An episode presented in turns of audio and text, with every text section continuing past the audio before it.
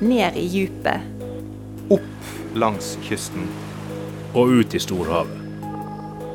Havpodden, en HI-podkast.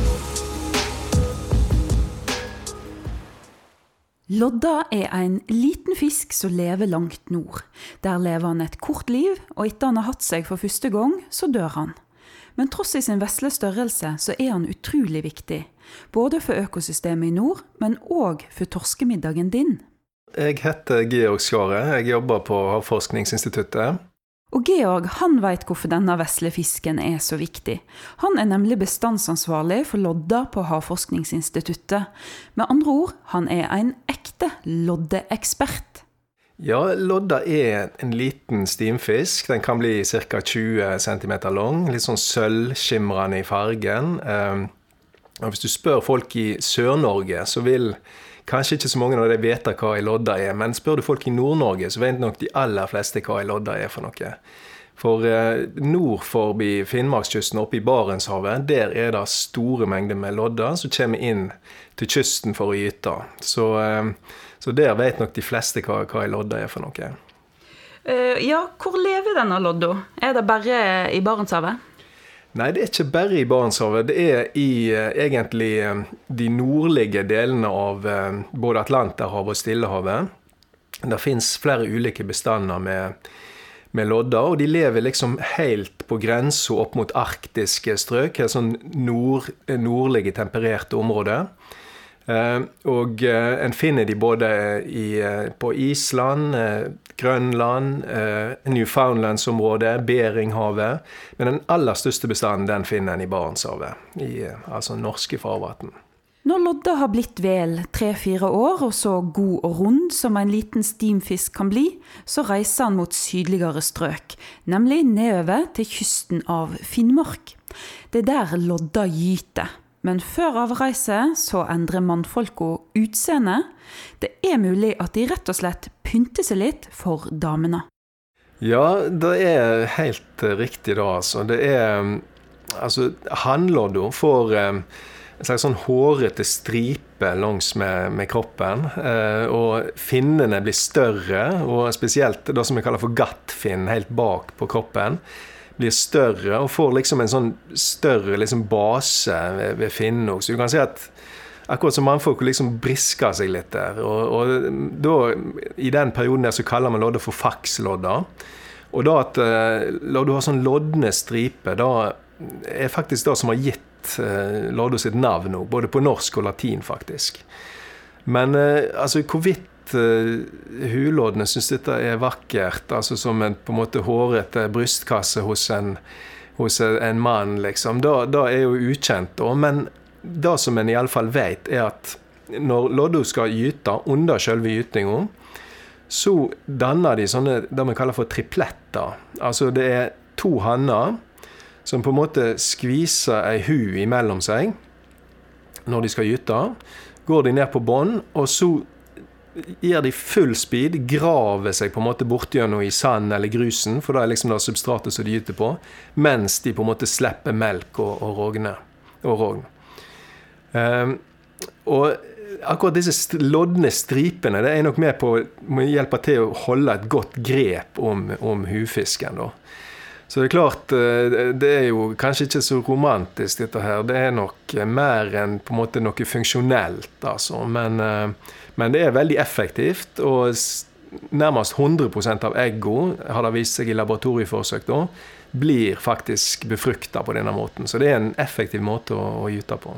Så det er litt sånn brutal gruppesex, mer enn stor romantikk, men, men det funker? Ja, det er nok eh, det, altså.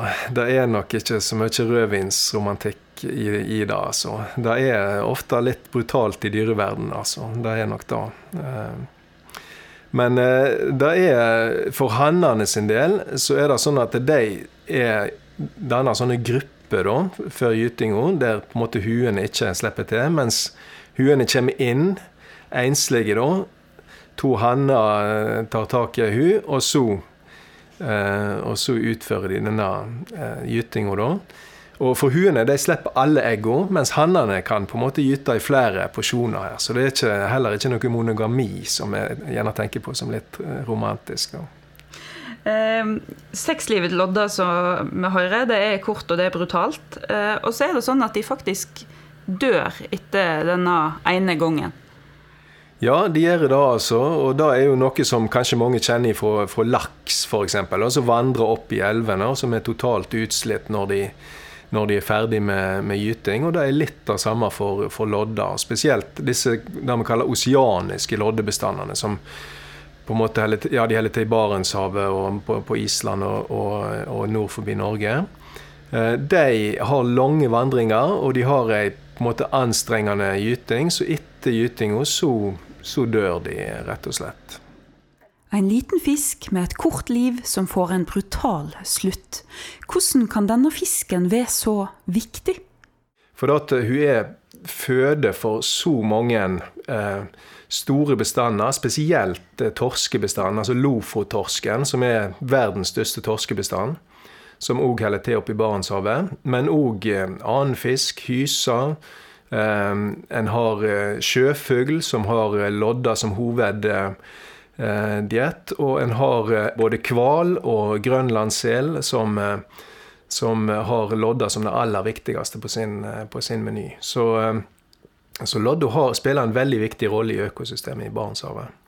Og hvis en hadde tatt loddo vekk, eller det hadde blitt veldig lite av den, hva konsekvenser, hva følgefeil kunne det fått? Ja, det er et godt spørsmål. Og faktisk så har en eh, eksempel på at det har skjedd i ganske nær historie. altså Hvis en går tilbake til, eller nær og nær, en må tilbake til midten av 80-tallet, da. Eh, men de som husker så langt tilbake, de eh, vil muligens huske at det var en stor loddekollaps da. Det var nesten ikke lodder igjen i Barentshavet. I tillegg til det så var det heller ikke noe særlig ungsild i Barentshavet. Sånn at for torsken og for andre dyr som på en måte var høyere oppe i næringskjeden, som var avhengig av denne lodda, så var det nærmest krisetilstander. Uh, og torsken den hadde dårlig vekst. Uh, han modna seinere. Hadde økt grad av kannibalisme, altså de begynte å ete hverandre. En hadde sjøfuglkolonier som hadde mye høyere dødelighet. Og en hadde invasjon av sel, grønlandssel, langs kysten av, av Norge pga. at det rett og slett var matmangel i Barentshavet. Sånn at, eh, og, og mye av den selen gikk da fast i, i garn langs kysten. Så, så, så, det var mange fiskere langs kysten som rett og slett fikk død sel i, sin, i sine garn. Så det hadde store økologiske konsekvenser at, at loddebestanden kollapsa. Um, det har uh, ikke hatt like store konsekvenser hver gang en har vært nede i en bølgedal. For dette her er, loddebestanden er en bestand som svinger veldig. Uh, men i, som sagt, den første kollapsen der, så hadde det store, store økologiske konsekvenser. Målet til havforskerne er å sikre at lodda ikke kollapser igjen. Da er det viktig at det ikke blir fiska for hardt på bestanden. For i Norge så fisker vi faktisk etter lodda. Du har kanskje ikke sett lodda i fiskedisken, men i Øst-Europa og Asia er lodda ei delikatesse. Men det er politisk bestemt at det er noen andre enn oss mennesker som skal forsyne seg først av lodda. Torsken skal få sitt først. Og det som eventuelt blir av overskudd, da kan en fiske på. Så da er det gjør vi våre beregninger om hvor mye torsken vil konsumere før gytinga, og så beregner vi om det, om det er nok overskudd til at det kan fiskes på. Men de siste årene eh, så har det ikke vært så mye Dere har ikke funnet så mye overskudd? Nei, det har vi ikke, altså. Og det har vært eh, noen år nå der vi har sett at det har vært lite rekruttering i, i, hos lodda. Altså det har vært eh, høy dødelighet for den smålodda. Eh, og vi vet ikke helt sikkert, på, sikkert hvorfor det er sånn. Vi vet at det har vært relativt store mengder med ungsild inne i Barentshavet, som vi vet kan ha store konsekvenser for overlevelsen hos lodda. Men uh, vi er ikke sikre på om det er eneste forklaringa. Um, Men nå i år så så vi for første gang på vel fem-seks år at det var godt med, med, rekruttering, faktisk. Så det var ganske store mengder av ettårige lodder som da hadde overlevd fram til de ble ett år. Så, så da var jo lovende for et framtidig fiskeri. Men eh, nå i et par år så har det greit vært stengt?